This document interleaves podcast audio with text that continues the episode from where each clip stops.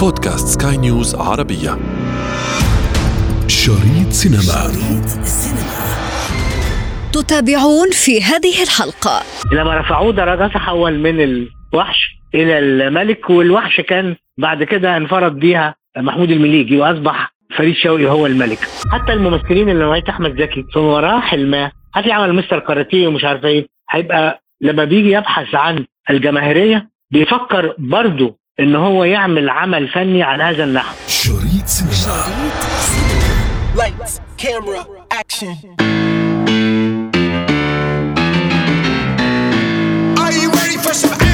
لا أعلم إذا كنتم أنتم تعشقون فعليا. الأفلام التي تعنى بالسوبر هيرو أو بالبطل الخارق أو الأمور التي تفوق الطبيعة. ولكن فعليا هناك بعض الأفلام التي تبدو ترند في الوقت الحالي وخاصة عندما نتحدث عن السينما العربية. هذا الأمر جعلني أفكر ماليا في تتبع وسرد حيثيات هذا النمط السينمائي والرجوع إلى التاريخ. أنا ابتسام العكريمي وهذه حلقة جديدة من بودكاست شريط سينما على سكاي نيوز عربية. لا تفوت الأمر. شريط سينما الله يرحمك عصفور. والله كنت ولد طيب عصفور.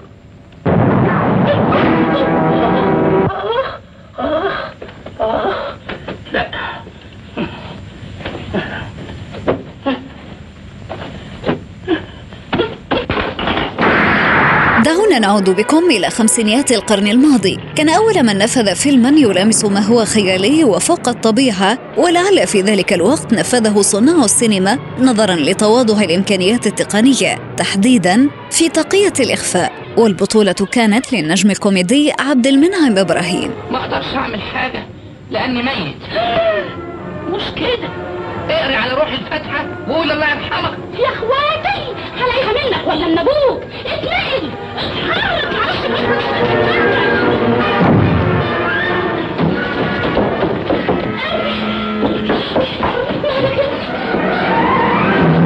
في ثمانينات القرن الماضي وتحديدا عام 1984 رأينا فكرة تحاكي موضوع الاختفاء الخارق. تذكروا معي فيلم فتوة الناس الغلابة.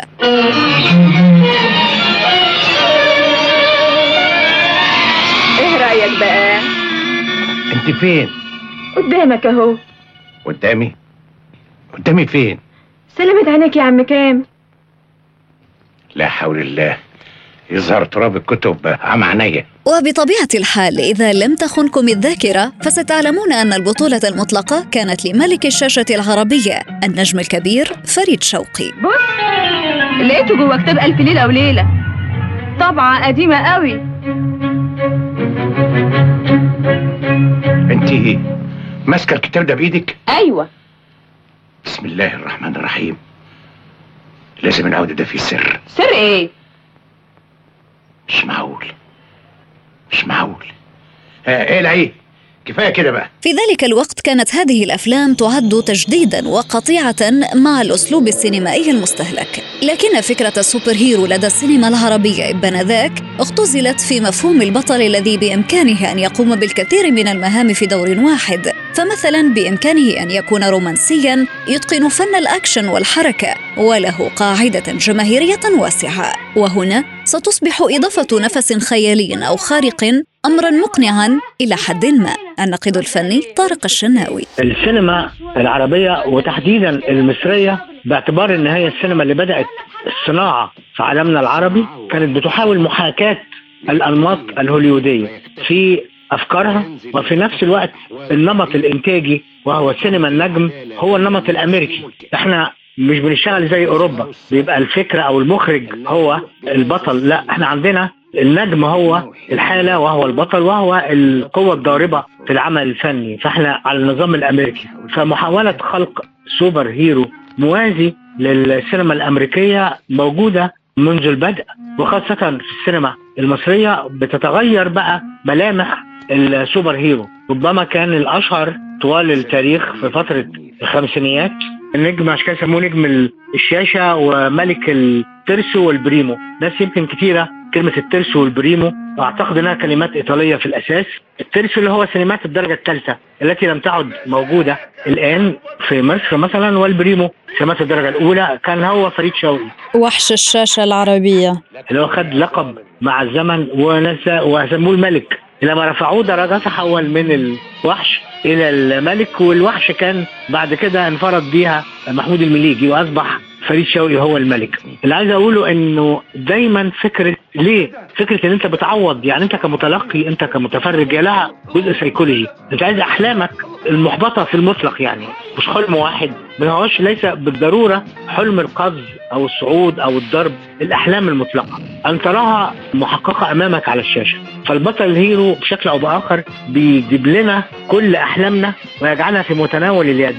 طبعا كلما كانت ملامحه زي فريد شوقي ما هوش وسيم لأنه الوسامة تشكل في العالم الندره يعني الوسامة ليست هي السائدة. اللي كان مدي الفريد المساحة دي هو إن هو شبه الأغلبية اللي هو لا لا يتمتع بالوسامة المطلقة زي اللي هو نموذج رشدي اباظه فده طبعا اللي نفعه. ناهيك عن قدراته كمان. يعني فريد كان بيلعب ملاكمة. أساسا كان بيلعب ملاكمة. فهو كمان بدنيا قادر على هذا النوع من الأداء. واستمرت المسيرة من نجم إلى نجم ومن حالة إلى حالة ومن حقبة إلى حقبة. أنا ماليش دعوة مرزوق أنا أنا كنت سايق العربيه بس ده البلاسي والباشا هم اللي ضربوا النار. مش أنا مش أنا. وبعدين امين بيه هو اللي مسلطني امين بيه هو اللي طلب مننا؟ دي دي أوامر الملك. في عرضك أنا في عرضك يا مرزوق؟ أنا مش رجع يا مرزوق. أنا اصحاب حد على يدك يا مرزوق. بعد ذلك تطورت الفكرة أكثر إلى أن أصبحت متداولة. فرأينا مفهوم ال super hero في السينما العربية مع الزعيم عادل إمام الذي نفذ المبدأ عبر إتقانه لفنون الأكشن البسيطة التي تجعله يتغلب على عشرات الرجال ببراعته الفردية. لا! لا! لا! لا! لا! لا! الحقوا ولا ولا لا لا Oh, no! Oh, no! No! No! No!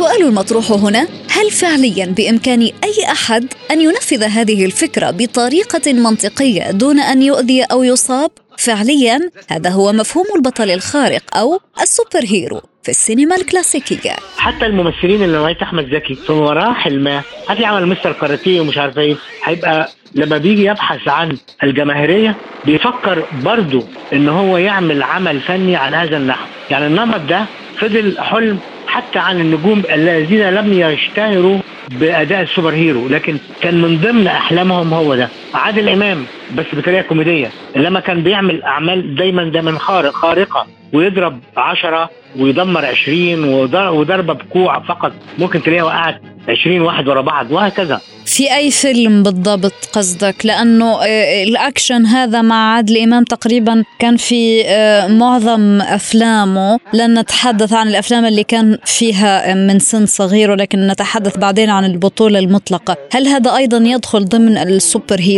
طبعا هو طبعا كان في أفلام يعني عايز أقول إيه إن أنت بيحصل لك ساعات حتى بتتنازل عن البطل المتناسق من فرط حبك. يعني أنت لازم تصدق بطل كمال الأجسام مثلا أو المصارع الحر لما يكون يعني أو الملاكمة على الشاشة لأنه عنده ما يتيح له ذلك. لكن أحيانا إحنا كجمهور أو كمتلقي من فرط إصرارنا على التماهي مع الشخصية وتصديقها ممكن نتنازل عن وجود كرش مثلا لبطل. نقول مش مشكلة ومفروض إنه بطل آه، لياقته البدنية عالية. بنفوت أحيانا أو عضلاته ليس ناثر العضلات أو ليس عريض المنكبين ومش قوي البنية قوي أحيانا بنتنازل حتى عنها من فرط إصرارنا على وجود البطل هيرو اللي بيحقق لنا كل الأحلام في نهاية الأمر.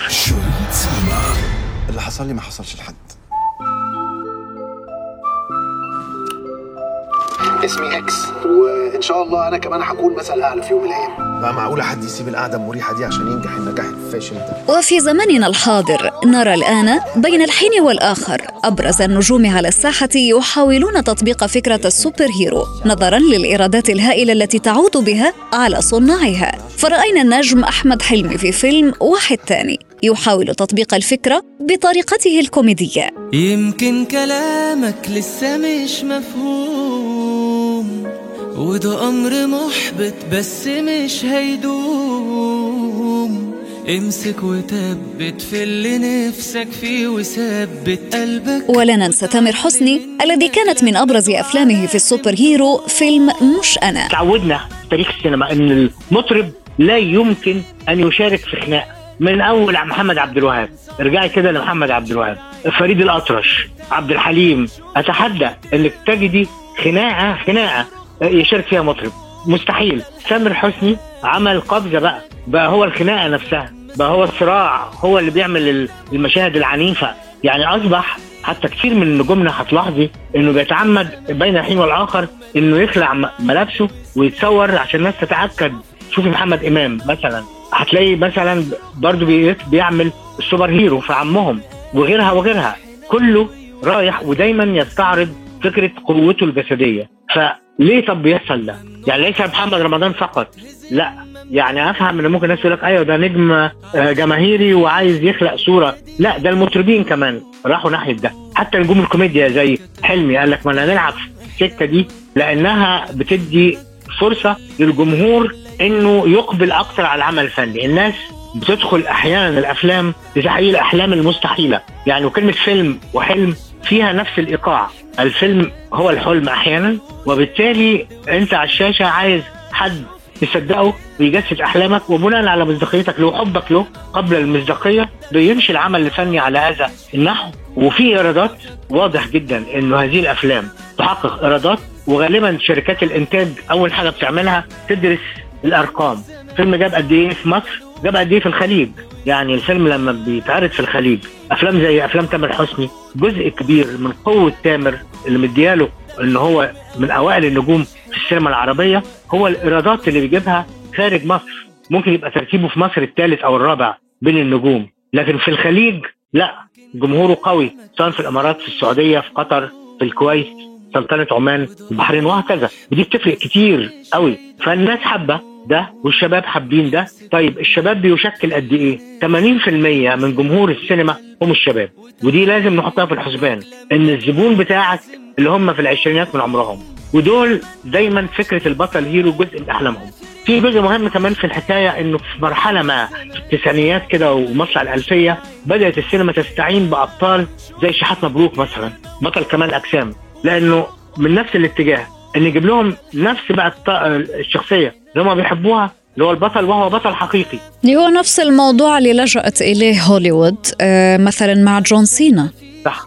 إنه بيجيبوا البطل العالمي نفسه بس طبعا العمر بتاع البطل ال- العالمي ده بيبقى محدود لأنه في الآخر هو مش موهوب كممثل.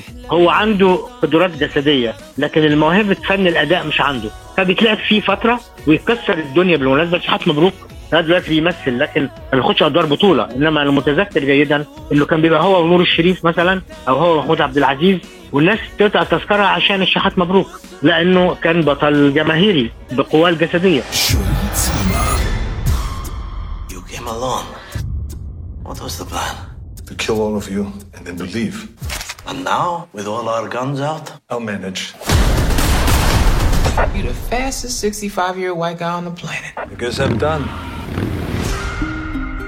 في السينما الغربية لن نعود بكم إلى الوراء ولكن سنعرض لكم أسماء لأبرز النجوم الذين رأيناهم في صغرنا نجوما خارقين لكنهم الآن حافظوا على حضورهم بتغيير بسيط إلى الكوميدي ولعل من أبرزهم أرنولد شوارتزنيجر في مسلسله الجديد الذي أنتجته نتفليكس فوبار الذكاء اللي يقود الموهبة وده جزء مهم جدا. كيف تقود موهبتك؟ يعني سيلفستر ستالون عمل أدوار في روكي تفضل ماشية مع الزمن يعني يبقى عنده 70 سنة على الشاشة لأن ده عمره في البطاقة أو عمره في جواز السفر. الرقم ده هو ده رقمه. فيبتدي يعمل أعمال تصدقيه إنه في المرحلة العمرية دي بيؤدي هذا الأداء. مع جزء تاني مهم اللي هو إلى أي مدى أنت جنب الموهبة اللي ربنا اداها لك دي تتمتع ب اللي هي الموهبه الجسدية والمصداقيه تتمتع بموهبة فن الأداء. الجزء اللي بيدي عمر زمني أطول هو التعبير الذي يملكه البعض. ممكن تتم الاستعانة بفنان أو فنانة لأنها شكلها حلو. يبقى أول الوهلة الأولى لأنها جميلة. لكن هل الجمال لوحده يكفي؟ أكيد لا.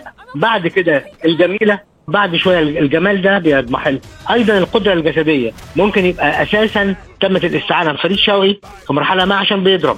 وانك مصدقاه على الشاشة لأنه قادر على القنص والضرب والقبض و بعد شوية هو الذي يتغير ويغير من منهجه. وفريد بالمناسبة عمل ده لما بعد كده غير وبدأ قطار العمر. عمله خلى كانت مستنيه فريد شوقي يضرب.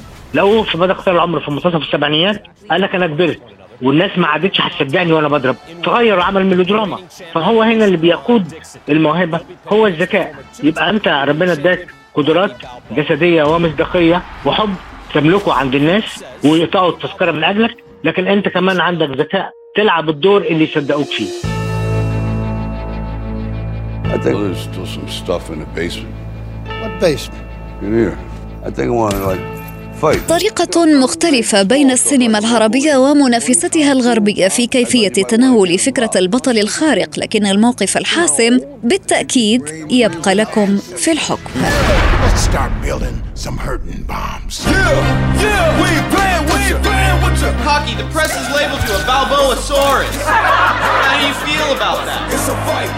شريط سينما انتظرونا أفلام جديدة في شريط سينما. شريط سينما. شريط سينما.